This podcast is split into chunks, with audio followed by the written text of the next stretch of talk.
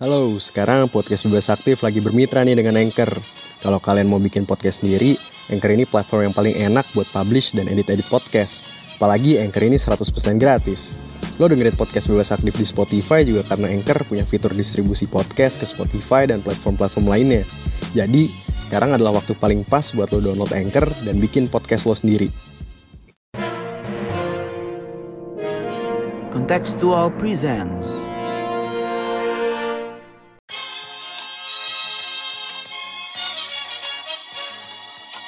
伟大、光荣、正确的中国共产党万岁！ Ladies and gentlemen, it was time to end a 20 year war. No one is safe until everyone is. The world is waking up and change is coming whether you like it or not. Selamat datang kembali di podcast Bebas Aktif episode ke-40. Ada gue Raffi di sini, ada Ikhlas juga dan ada Mas Sofan. Dan kita bertiga tentu saja akan membicarakan sesuatu yang sedang heboh dan sedang naik. Nggak cuma beritanya yang naik, tapi harganya juga naik. Dan terasa juga ke kita bertiga harusnya. Lu kan pengguna motor, be- eh, bensin lo apa kelas? Bensin gua Pertalite, soalnya motor gua Mio doang, bukan yang gede-gede. Kayak- Lu nggak salah sas, bukan ini ya, pelaku salah sasaran itu ya? ini mengambil subsidi orang miskin ini. Waduh, Iya nggak kelas? Pertalite Oke, juga subsidi kan? Ya, semuanya disubsidi kita ini. Eh, Nah, mena- menarik tuh. Ada yang bilang juga kita terbiasa disubsidi, tapi itu ntar, tapi itu ntar. Eh, lumayan boncos nggak kelas eh, naik Petralite-nya? Eh, jujur gua belum ngisi lagi semenjak ini. Jadi yang terakhir gua masih sempat ngisi. Naik belum ya? Iya dan emang gua kan nggak eh, nggak intens gitu ya, nggak kuliah tiap hari sekarang. Tapi eh, dari semua teman-teman gue sih ngomongnya berasa gitu kan, karena naiknya ya hampir 2.500 gitu lumayan. Jadi kita akan membicarakan itu eh, isu yang sangat dekat dengan kita karena paling nggak gue seminggu sekali gue isi bensin motor ya. Nah, sekarang hampir walaupun nggak tiap hari ke kampus tapi lumayan dari Jaksel ke Depok. Kita coba bahas ini dari segi policy domestik dan kita coba lihat adakah tren internasionalnya juga. Tapi sebelum itu eh, teman-teman boleh follow podcast ini, podcast bebas aktif. Kita tayang seminggu sekali, kita suka ngomongin isu internasional dan kadang-kadang isu domestik juga. Dan follow juga sosmed kita di @kontekstualcom dan visit juga website kita di kontekstual.com. Kita mulai dulu dari hari apa ya, gue lupa. Tapi sekitar siang gitu, eh, paginya belum belum naik, tapi menjelang siang tiba-tiba pom bensin Pertamina ditutup pintunya, harga dinaikin jam 14.30, udah naik harganya. Dan BBM akhirnya naik, banyak riuh juga eh, tentang policy ini ya. Walaupun sebenarnya udah digodok lumayan lama isunya, cuman akhirnya naik juga. Nah, gue mau naik ke lu kelas. Impresi lo terhadap policy ini apa sih? Eh, apakah emang udah saatnya naik? Karena kita, kalau gue lihat statistiknya gitu ya kan, di ASEAN harga bensin kita salah satu yang paling rendah. Kayak tiga terendah deh, sama Malaysia sama Vietnam. Tuh, kalau lu ngelihat policy ini gimana? Ya, intinya sih kalau masalah kenaikan ini, kalau eh, dari internasional ya, Hmm. seperti yang sering Mas Sofan bilang, ini pasti adalah yang merespon tekanan struktural gitu kan. Emang eh, di tengah kondisi, ya kan eh, minyak, bahan bakar sebagai komoditas global yang eh, dibutuhin dan dengan kondisi geopolitik, kondisi perdagangan yang ada, akhirnya eh, menghadapi harga yang semakin naik dan ya inevitably dari dari eh, sisi polisi domestik ya harus naikin juga. Tapi ini nggak terlepas juga dalam konteks apa ya eh, build up bertahun-tahun sehingga Hmm. akhirnya kenaikan yang terjadi seperti ini juga. beberapa orang setengahnya yang gue baca di media sosial gitu melihat bahwa ya Indonesia udah Indonesia bukan rakyat Indonesia udah terlalu lama terbiasa disubsidi BBM-nya sampai kosnya Pertalite itu kalau nggak salah 16.000 14 ribu tapi harganya kan 10 ribu dan Iya. stabil di situ Bahasanya Apakah- itu harga keekonomian gitu harga kan. keekonomian ya itu sub men- menyubsidi BBM di Indonesia itu policy yang sound nggak sebenarnya atau apa ya kadang-kadang kan kita bisa bilang populis gitu Oke, kalau sound sebenarnya kita harus balikin ke purpose dari policy itu apa sih sebenarnya? Karena bisa eh, meskipun kebanyakan eh, publik eh, dan analis tuh melihatnya kayak dari dari sisi emang subsidi gitu kan buat Iya, orang iya. yang yang eh, apa namanya membutuhkan.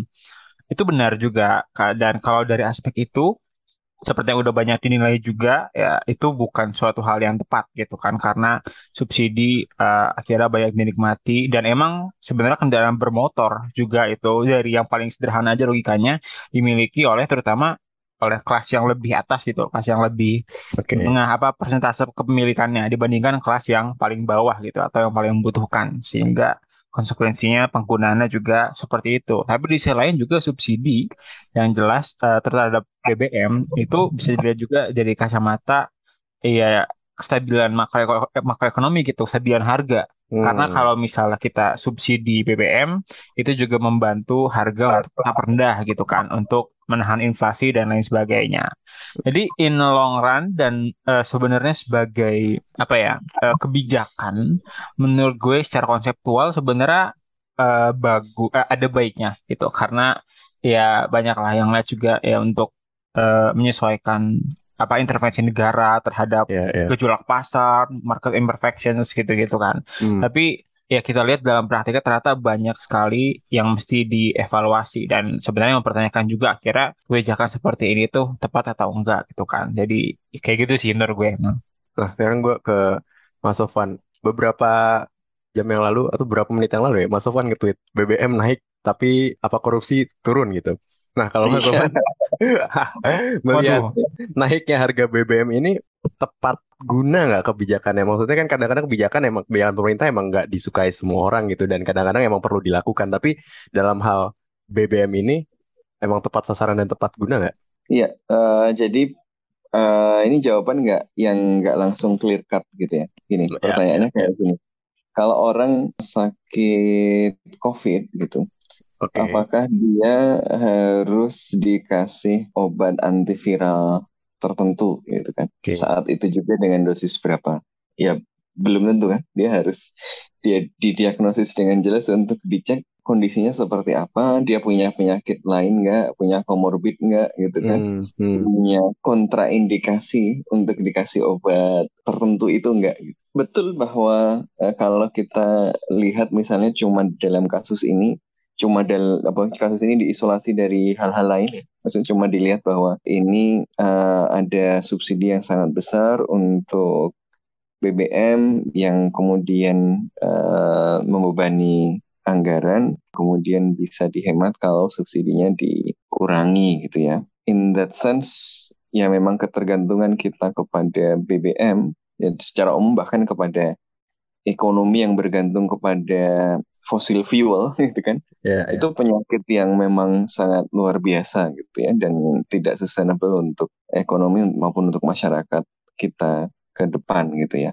Dalam konteks ini tentu kemudian mengurangi ketergantungan kita kepada fossil fuel dan dengan demikian berarti mendorong supaya orang eh, misalnya bergeser dari bahan bakar fosil apalagi yang disubsidi gitu kan Hmm, itu eh, tentu ada bagusnya gitu kan. Dari segi keuangan tadi juga dia dianggap membebani eh, anggaran negara walaupun argumen untuk pembebanan anggaran negara ini juga angkanya geser-geser kan ya dari Kementerian Keuangan itu datanya sering nggak konsisten ya diambilnya berapa yang dialihkan berapa dialokasikannya seperti apa. Oke, tapi secara konseptual masih bisa diterima kalau diisolasi dari isu-isu lain. Masalahnya adalah eh, ini nggak se clear cut itu kan. Orang sakit pun kalau dia sakit eh, diobatinya kan harus dilihat eh, ada kontraindikasi yang lain nggak, ada penyakit lain yang lebih besar nggak. Hmm. Jangan-jangan ada penyakit lain yang lebih besar yang perlu diobati duluan sehingga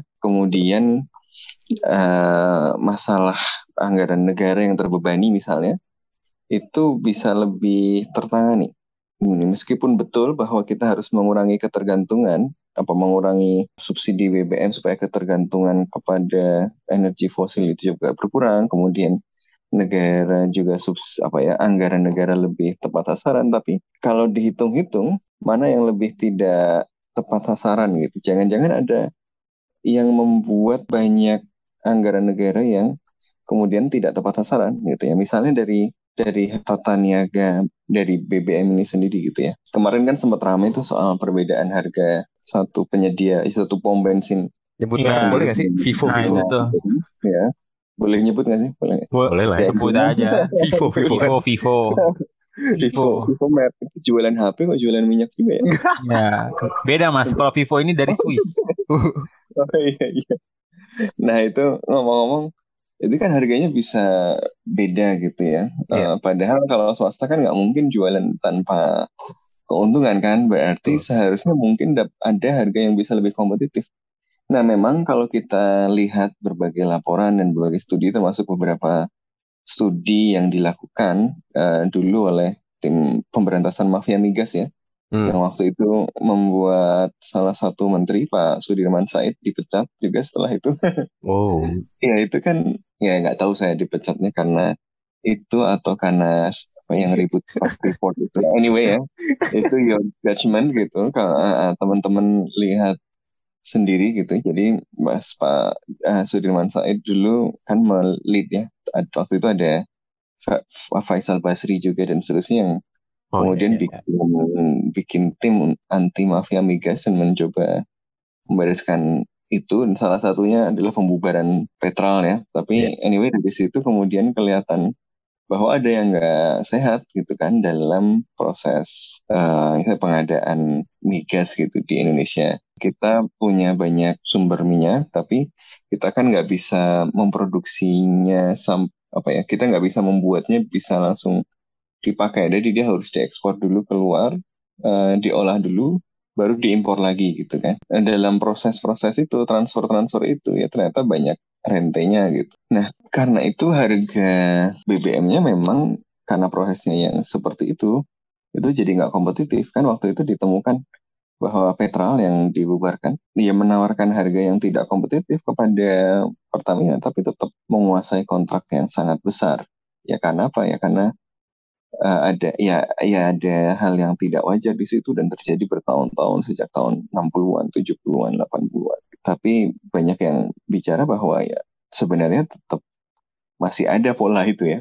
Jadi sebelum ke persoalan boros karena kita memberikan subsidi, eh, penting untuk ngecek penyakit-penyakit lainnya gitu. Jangan-jangan kita kira kita ini kena GERD gitu ya. Padahal sebenarnya tumor perut gitu kan atau apa gitu yang lebih berbahaya gitu. Jangan-jangan keborosan anggaran kita lebih besar karena eh, ekonomi rente yang menguasai sektor energi kita daripada soal subsidi itu. Nah, masalahnya beresin rente itu ribut sama oligarki. Oh. Beresin BBM, beresin subsidi ributnya sama ya orang-orang yang terdampak kepada eh, subsidi ini gitu ya. Eh, betul bahwa banyak misalnya yang mengatakan bahwa subsidinya nggak tepat sasaran, banyak yang kena eh, orang yang tidak berada di bawah garis kemiskinan. Tapi ini perlu dicek lagi batas garis kemiskinan berapa. Lalu eh, kalau eh, orang yang di atas garis kemiskinan itu benarkah memang tidak layak dan tidak produktif kalau kemudian dikasih subsidi. Nah, batas-batas ini, asumsi-asumsi ini juga perlu diperiksa dengan lebih kritis gitu ya. Harus dilihat tidak hanya dari angka-angka yang kadang-kadang ditetapkan secara arbiter tadi. Ya, ya, ya. Gitu loh. Oh, betul nggak garis kemiskinan kita segitu? Ini yang yang near poor gitu ya, yang hampir dekat kepada eh, orang-orang miskin ini kalau dia selama ini dia mem- memanfaatkan subsidi itu ya untuk usaha kecil, Hmm. untuk kehidupan sehari-harinya itu kan pasti juga terdampak gitu. Betul bahwa patut diberikan catatan positif bahwa ini dicabut tapi dialihkan, ya kan? Tap- Tapi dialihkannya misalnya kepada siapa dan mekanismenya seperti apa gitu ya? Apakah garis kemiskinan tadi sudah memadai? Apakah kalau dikasih ke yang di bawah garis ke garis kemiskinan, bagaimana dengan yang yang misalnya di atas itu tapi sangat sensitif dan sangat rentan terdampak oleh perubahan harga ini gitu kan? Hmm. Eh, ini kan kalau kita ke pasar-pasar aja kan sudah kelihatan. Bahkan layanan publik pun terdampak loh. Kemarin ada laporan-laporan dari Jogja, dari banyak tempat lain bahwa Trans Jogja misalnya Iya. layanannya berkurang karena Iya, iya. karena harga minyak naik loh kan. Ini kan artinya ada dampak eh, multipliernya gitu ya yang harus diantisipasi gitu. Jadi nggak cukup cuma wah ini lebih efektif mengalihkan subsidi dari barang ke orang gitu ya. Tapi apakah semua orang yang sebenarnya terdampak itu benar-benar bisa tercover gitu ya.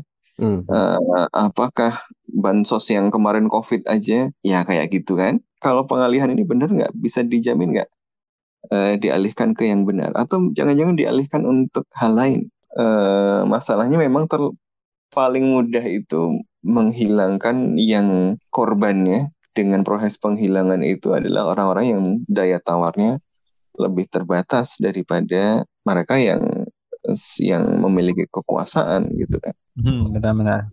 Nah menurut saya oke lah gitu bahwa kita harus sedikit demi sedikit mengurangi uh, subsidi ya BBM gitu. Tapi caranya, kemudian sequence-nya dan kebijakan keadilannya gitu ya. Jadi bukan cuma soal realokasi yang harus dipastikan efektif dan tepat sasaran dan kemudian tidak hanya dibatasi dengan batasan-batasan arbiter yang tidak cukup seperti batas garis kemiskinan yang sangat rendah itu gitu ya.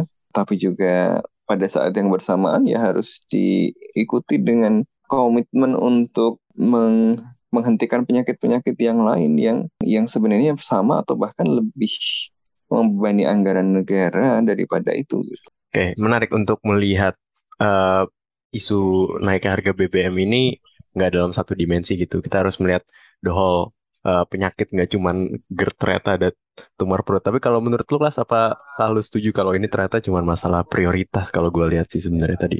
Apa ya? Ya sebenarnya bukan bukan prioritas juga sih kalau Hmm. kalau menurut gue dan sebenarnya kalau tuh sum up dari Mas Sofwan tadi kebetulan gue juga belakangan ini sedang diakrabkan dengan perihal kebijakan-kebijakan gitu. Jadi istilahnya ada quick win gitu lah atau ada Oke. Terus ada yang legacy mungkin yang yang dalam dalam menanggapi sebuah isu gitu kan. Jadi kalau terkait ngubah subsidi dan mengalihkan menjadi BLT itu kan hal yang instan gitu yang Yeah. bisa dilakukan. Sementara eh, untuk memperbaiki ketidakefisienan, memberantas mafia dan lebih lagi mengurangi ketergantungan kepada bahan bakar fosil itu kan suatu hal yang lebih long term gitu. Jadi itu mungkin lebih eh, berdampak eh, secara jangka panjang juga bisa dibilangnya sebagai legacy dari pemerintahan ini gitu kan misalnya kalau dilakukan. Hmm. Nah dan Em- Emang lebih mudah lebih mudah menang sih mukulin eh, orang kecil di pinggir jalan daripada mukulin Sambo gitu kan. Iya iya iya tapi gitu nama. eh, sempat sempat ribut juga gitu di Twitter kata kayak ini ada dari Dani Laksono katanya mila- bilang oh BLT ini kebijakan males gitu kan asal gitu tapi ya benar kalau menurut gue eh, apa namanya ya kayak yang dibilang Mas Sofwan tadi harus pemerintah harus work on all fronts gitu sebenarnya. Jadi nggak cuman di eh, yang kalau mengurangi subsidi eh, dan kemudian karena itu merupakan suatu hal yang valid ya menurut gue ya. Meskipun tadi ada beberapa kritisisme karena ya udah dari tekanan struktural aja udah kelihatan gitu kan kalau harga dunia udah gila-gilaan sementara Indonesia net importer terus juga eh, anggaran terbebani. Cuman di bagian lainnya juga nggak boleh di neglect gitu loh. Kalau eh, eh, apa namanya fix yang lebih permanen di situ di situ gitu. Bukan kita masalah subsidi lagi terus eh, ngurangin lagi atau gimana subsidi pun sampai sekarang juga masih disubsidi kan sebenarnya cuman Iya. dalam derajat yang lebih eh, apa namanya Lebih yang rendah. lebih rendah aja Sebenarnya gue juga pengen tahu tentang hitung-hitungan cost benefit dari pemerintahnya sih kalau sekarang ini eh, kebijakan yang sangat tidak populer kan sebenarnya tidak populer. Terus kalau nggak salah sempat nggak jadi naik terus akhirnya naik beneran kan. Sebenarnya kalau apakah ini karena Pak Jokowi udah lame duck? Kita coba Hmm. ngomongin soal politik elektoralnya ya mungkin ya. Eh, ka- kalau gue mungkin lihat secara historis dulu ya, ya di setiap pemerintahan lah ada ada aja pasti kenaikan eh, BBM. Selalu, Dulu selalu. juga, ha-ha. dulu kan eh, Mbak Puan juga sampai nangis-nangis gitu kan. Oh iya. Heeh, cuman sekarang dibales katanya sama, oh iya nanti kader Partai Demokrat Punya- jangan sampai nangis ya. Mbak Puan juga sempat nyanyi tuh. Oh iya ya. Apa lagunya Iwan Fals nih BBM naik tinggi, susu tak terbeli gitu. Oh iya. Galang rambu anarki. Ya gitu-gitulah. Jadi emang sebuah kenyataan kayak di semua di semua eh, masa presiden Hmm. bahkan yang sesingkat Habibie sekalipun ada kenaikan BBM itu. Cuman ya kenaikan itu gimana gitu kan di manage oleh pemerintahan selama ini. Kalau di pemerintahan Jokowi sih sebenarnya dari yang gue lihat ya datanya itu banyak banyak terjadi penurunan gitu sebelum-sebelumnya ya. awal-awal 2014 tuh sempat 8.500 Iya. terus eh, turun jadi 7.000 sampai sampai kemarin bahkan si 7.550 kan jadi lebih rendah sebenarnya daripada starting periode pertama Jokowi gitu Hmm. Harga itu harga premium bahkan yang 8.500 terus sekarang pertalite. Jadi eh, mungkin itu yang perlu diperhatiin. Cuman kenaikannya dan yang banyak di highlight juga adalah eh, dari dari eh, penyesuaian terakhir itu yang lama banget gitu loh. Karena terakhir kali disesuaikan itu 2019 gitu harga pertalite ini. Jadi Hmm. eh, kalau gue sih ngeliatnya ya jadi ya banyak beban dari perubahan eh, harga minyak ataupun lainnya itu juga jadi menumpuk gitu. Akhirnya kenaikan yang dihasilkan itu ya lumayan tinggi sebesar 2.500 sementara kalau orang bandinginnya dulu ya paling naiknya 500 Iya, eh, iya. berapa ratus gitu kan. Meskipun eh, mesti dilihat presentasinya juga sih tapi yang kelihatan kan jadinya seperti itu. Dan emang kalau bicara politik elektoral sih ya inevitable sih eh, apa namanya. Dan ini harus eh, bukan masalah gimana ya, karena emang udah nggak mau menangin lagi ya jadi lebih legowo Hmm. gitu naikinnya. Menurut gue sih nggak juga. Emang eh, kalau bisa di di tetap rendah bakal tetap rendah. Cuman menurut gue ini satu inevitability. Ya kemudian eh, pertanyaannya buat pemerintah adalah gimana manage aja. Dan kalau menurut gue kesan yang gue dapet ya sebenarnya jadi manage-nya lumayan lumayan eh, dari sisi pemerintah. Maksud gue secara politik ya bukan Oke, secara oke. ini ya itu secara lumayan baik gitu kan. Karena dikondisikan apa ya eh kalau nggak salah di suatu polling itu gue lupa tapi dari mana ya kayak masyarakat yang menolak kenaikan BBM tuh 50 persenan berapa gitu 58 50 berapa. Tapi meskipun masih mayoritas menolak tapi menurut gue itu udah suatu persentase yang rendah gitu loh di Mendekati dari setengah ya. ya. Iya dari penolakan warga dan kemudian juga udah sering udah di briefing itu lah di media segala macam Hmm, apa Sri Mulyani ngomong terus Jokowi juga ngomong dan yang lainnya udah eh, menyuarakan kekhawatiran terkait apa namanya terkait eh, harga minyak dunia yang udah melambung tinggi dari kemarin-kemarin dan juga anggaran negara sehingga bisa lebih apa ya lebih manageable gitu kemudian apa bisa lebih understandable secara eh, komunikasi publiknya Hmm. dan kemudian menurut gue juga nggak ada nggak apa ya eh, gue dulu waktu zaman SB belum terlalu aware politik tapi kayaknya eh, secara secara apa namanya secara oposisinya juga nggak terlalu ini banget meskipun di mana-mana ada Ya. Eh, tapi pertama oposisi nggak terlalu bisa mengkapitalisasi gitu kan ya kalau dulu ya mungkin dramanya lebih kenceng juga tapi sekarang kurang kelihatan gitu kalau menurut gue Semuanya satu kubu soalnya kan sekarang. Nggak juga sih sebenarnya Oh, pakai juga? Demokrat juga masih masih nolak gitu. Emang Oh, tetap oke. berusaha eh, mengkapitalisasi tapi nggak nggak segitunya juga dan oposisi meskipun di mana-mana kita lihat demo tapi eh, ya tentu gue juga nggak bisa menilai for sure sih. Tapi ini kan ya pengamatan politik amatir gue lah. Lebih Hmm. manageable. Dan sebenarnya yang demo-demo juga ya ormek yang gitu-gitu segala macam masih di Duh. kantongnya pemerintah juga sebenarnya. Jadi bisa bisa diatur gitu. Dan ada apa namanya eh, demonstrasi yang muncul ada demonstrasi yang expected dan emang baru dalam jangka seminggu kurang kan sekarang makanya masih banyak tapi seemingly ya kayaknya sih bakal lebih lebih gampang sih mungkin menurut gue pemerintahan Jokowi untuk menghandle eh, oposisi terhadap kebijakan ini gitu. Dan dan dan yang jadi concern utama sebelumnya kalau Hmm. secara ekonomi menurut gue karena kan sebenarnya peak peak harga dunia tuh udah lewat ya. Peak Ah, harga ah. ba- eh, apa harga minyak per barrel tuh sampai 125 eh, dolar per barrel itu udah berapa bulan yang lalu. Tapi emang selalu ada gap sih dalam kebijakan. Cuman eh ya kayaknya itu yang kemudian apa eh, yang jadi perhatian utama itu kemudian ya inflasi gitu kan salah satunya. Yang kita mesti lihat dengan inflasi yang selama ini masih relatif eh, jinak gitu kan di tengah inflasi yang lain masih udah naik gila-gilaan. Ya pasti ini dampak utamanya bakal ke situ. Halo, sekarang podcast Bebas Aktif lagi bermitra nih dengan Anchor. Kalau kalian mau bikin podcast sendiri, Anchor ini platform yang paling enak buat publish dan edit-edit podcast. Apalagi Anchor ini 100% gratis. Lo dengerin podcast Bebas Aktif di Spotify juga karena Anchor punya fitur distribusi podcast ke Spotify dan platform-platform lainnya. Jadi, sekarang adalah waktu paling pas buat lo download Anchor dan bikin podcast lo sendiri. Gue jadi penasaran kenapa pemerintah kita berani banget untuk subsidi segede itu ya in the first place. Ya kan dari dulu kan, ya karena uh, subsidi BBM dianggap sebagai uh, apa itu hajat hidup orang banyak gitu kalau dalam bahasa konstitusi kan.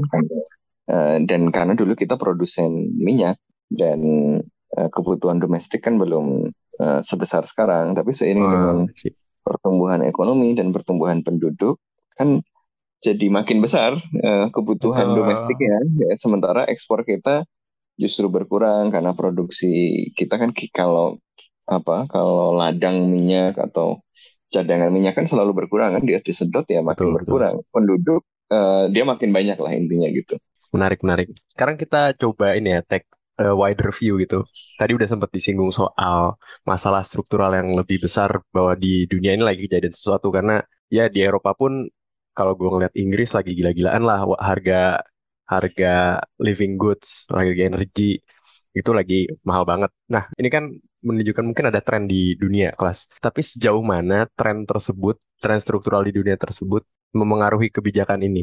Ini menurut gue sih sangat berpengaruh ya Hmm. karena eh, yang yang secara global kita lihat juga dan bahkan sebenarnya ya perbedaannya di negara-negara lain ya di ba- kebanyakan negara eh, negara barat gitu ya kayak di Amerika Serikat yang enggak dikasih subsidi yaitu kenaikan kenaikan eh, bahan bakar tuh langsung terasa instan gitu loh harga dunia naik BBM naik nggak nggak perlu acara ditutup-tutup dijagain pakai polisi naik Hmm, aja hmm. gitu kan tahu-tahu Hmm. nah jadi eh, emang sangat berdampak cuman kalau di Indonesia ini seperti yang gue bilang tadi dan sebenarnya di banyak negara pemberi subsidi sih gitu ya Di- yang di- banyak di antaranya yang banyak negara eh, berkembang itu negara dunia ketiga. Eh, jadinya ada suatu gap gitu ada ada kesenjangan. Emang dan emang di kebijakan biasanya ada pastilah. Nggak terasa secepat itu tapi secara khusus buat negara yang memberikan subsidi biasanya ya coba bertahan lebih lama lagi lah atau melihat kondisi yang lebih favorable buat kemudian eh, bisa eh, mengurangi subsidinya. Nah, cuman eventually emang bakal naik gitu loh dan dilihat sama pemerintah Indonesia pun sebagai net importer eh, minyak karena Hmm, kita hmm. mengimpor apa mengkonsumsi lebih banyak daripada kita memproduksi Hmm. jadinya lebih lebih volatil juga sebenarnya lebih terpengaruh oleh eh, apa namanya oleh perubahan harga global. Hmm, Jadi hmm. kalau kita beli minyak Rusia, nah itu kan eh, pertanyaan lain lagi sebenarnya. Oh ya, gue mau ngasih komentar dikit back Iya, ke boleh. dalam negeri lagi tadi soal bahwa sekarang lebih visible untuk bikin kebijakan ini karena eh, reaksi perlawanannya lebih sedikit. Menurut gue eh, itu ada benarnya tapi juga menunjukkan sebuah penyakit yang menurut gue juga harus kita hadapi gitu ya. Maksudnya gini, zaman Soeharto juga orang yang demo sedikit gitu.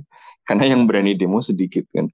Uh, not necessarily uh, itu hal yang kemudian menunjukkan bahwa uh, kebijakan uh, itu uh, um, baik gitu atau dalam situasi yang kondusif gitu. Bisa jadi uh, menunjukkan bahwa ada democratic black backsliding ada kemunduran uh, demokratis yang membuat diskusinya nggak ramai misalnya. Jadi betul bahwa pemerintah dengan kondisi yang sekarang bisa lebih membuat kebijakan eh, dengan lebih bebas sehingga kemudian berani menaikkan harga BBM gitu ya. Eh, yang mau melakukan hal yang lebih outrageous saja berani kan.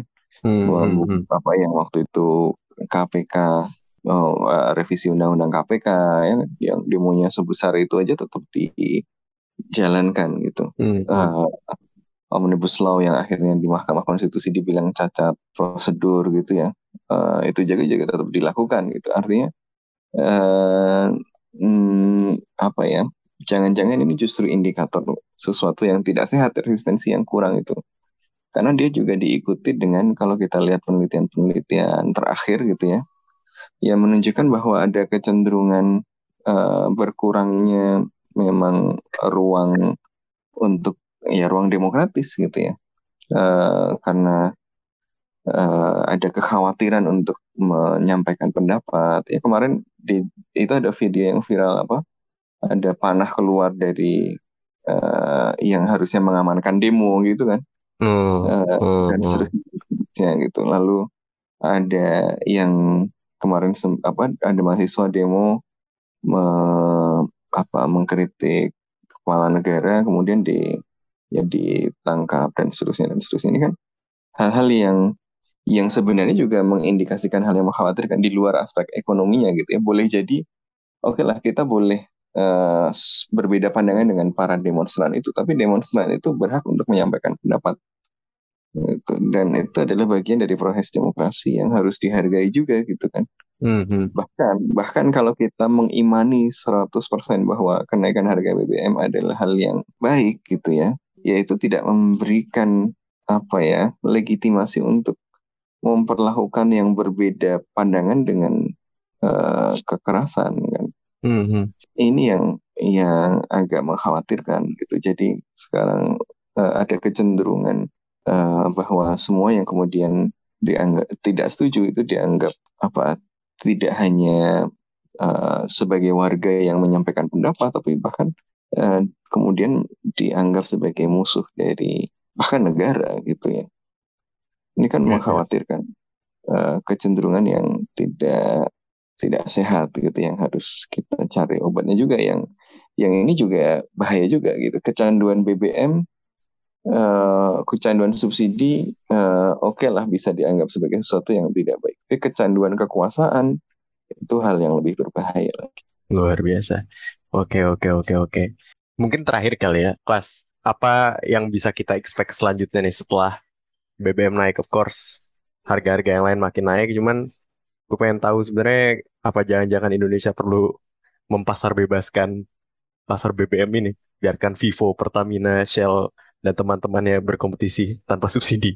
Iya, ironinya sih itu ya sebenarnya kalau terutama dari kejadian Vivo yang kayak nanti gue tertarik untuk tulis juga uh, bahwa Yes, ya, ya ditunggu. apa namanya dari dari apa dari sistem yang uh, government centric dalam dalam menentukan harga apalagi ya banyak ketidaksempurnaan juga Betul. yang bisa kita lihat. Dan oleh karena itu ya perlu dilakukan perbaikan dalam segala ini tadi kan. Dalam manajemennya dalam uh, ekspor impornya dan segala macam. Eh, tapi memang pengurangan subsidi ini merupakan hal yang dibutuhkan gitu kan. Kalau hemat gue lah kalau eh, dalam ngejelasinnya dan eh, apa perbaikan yang harus dilakukan ya itu tentu aja bersifat jangka panjang gitu Hmm, dan tapi kalau ya dalam jangka pendek ini ya kita mau nggak mau harus eh, bear with the prices dan eh, memang kondisi ekonomi dunia yang kurang baik dan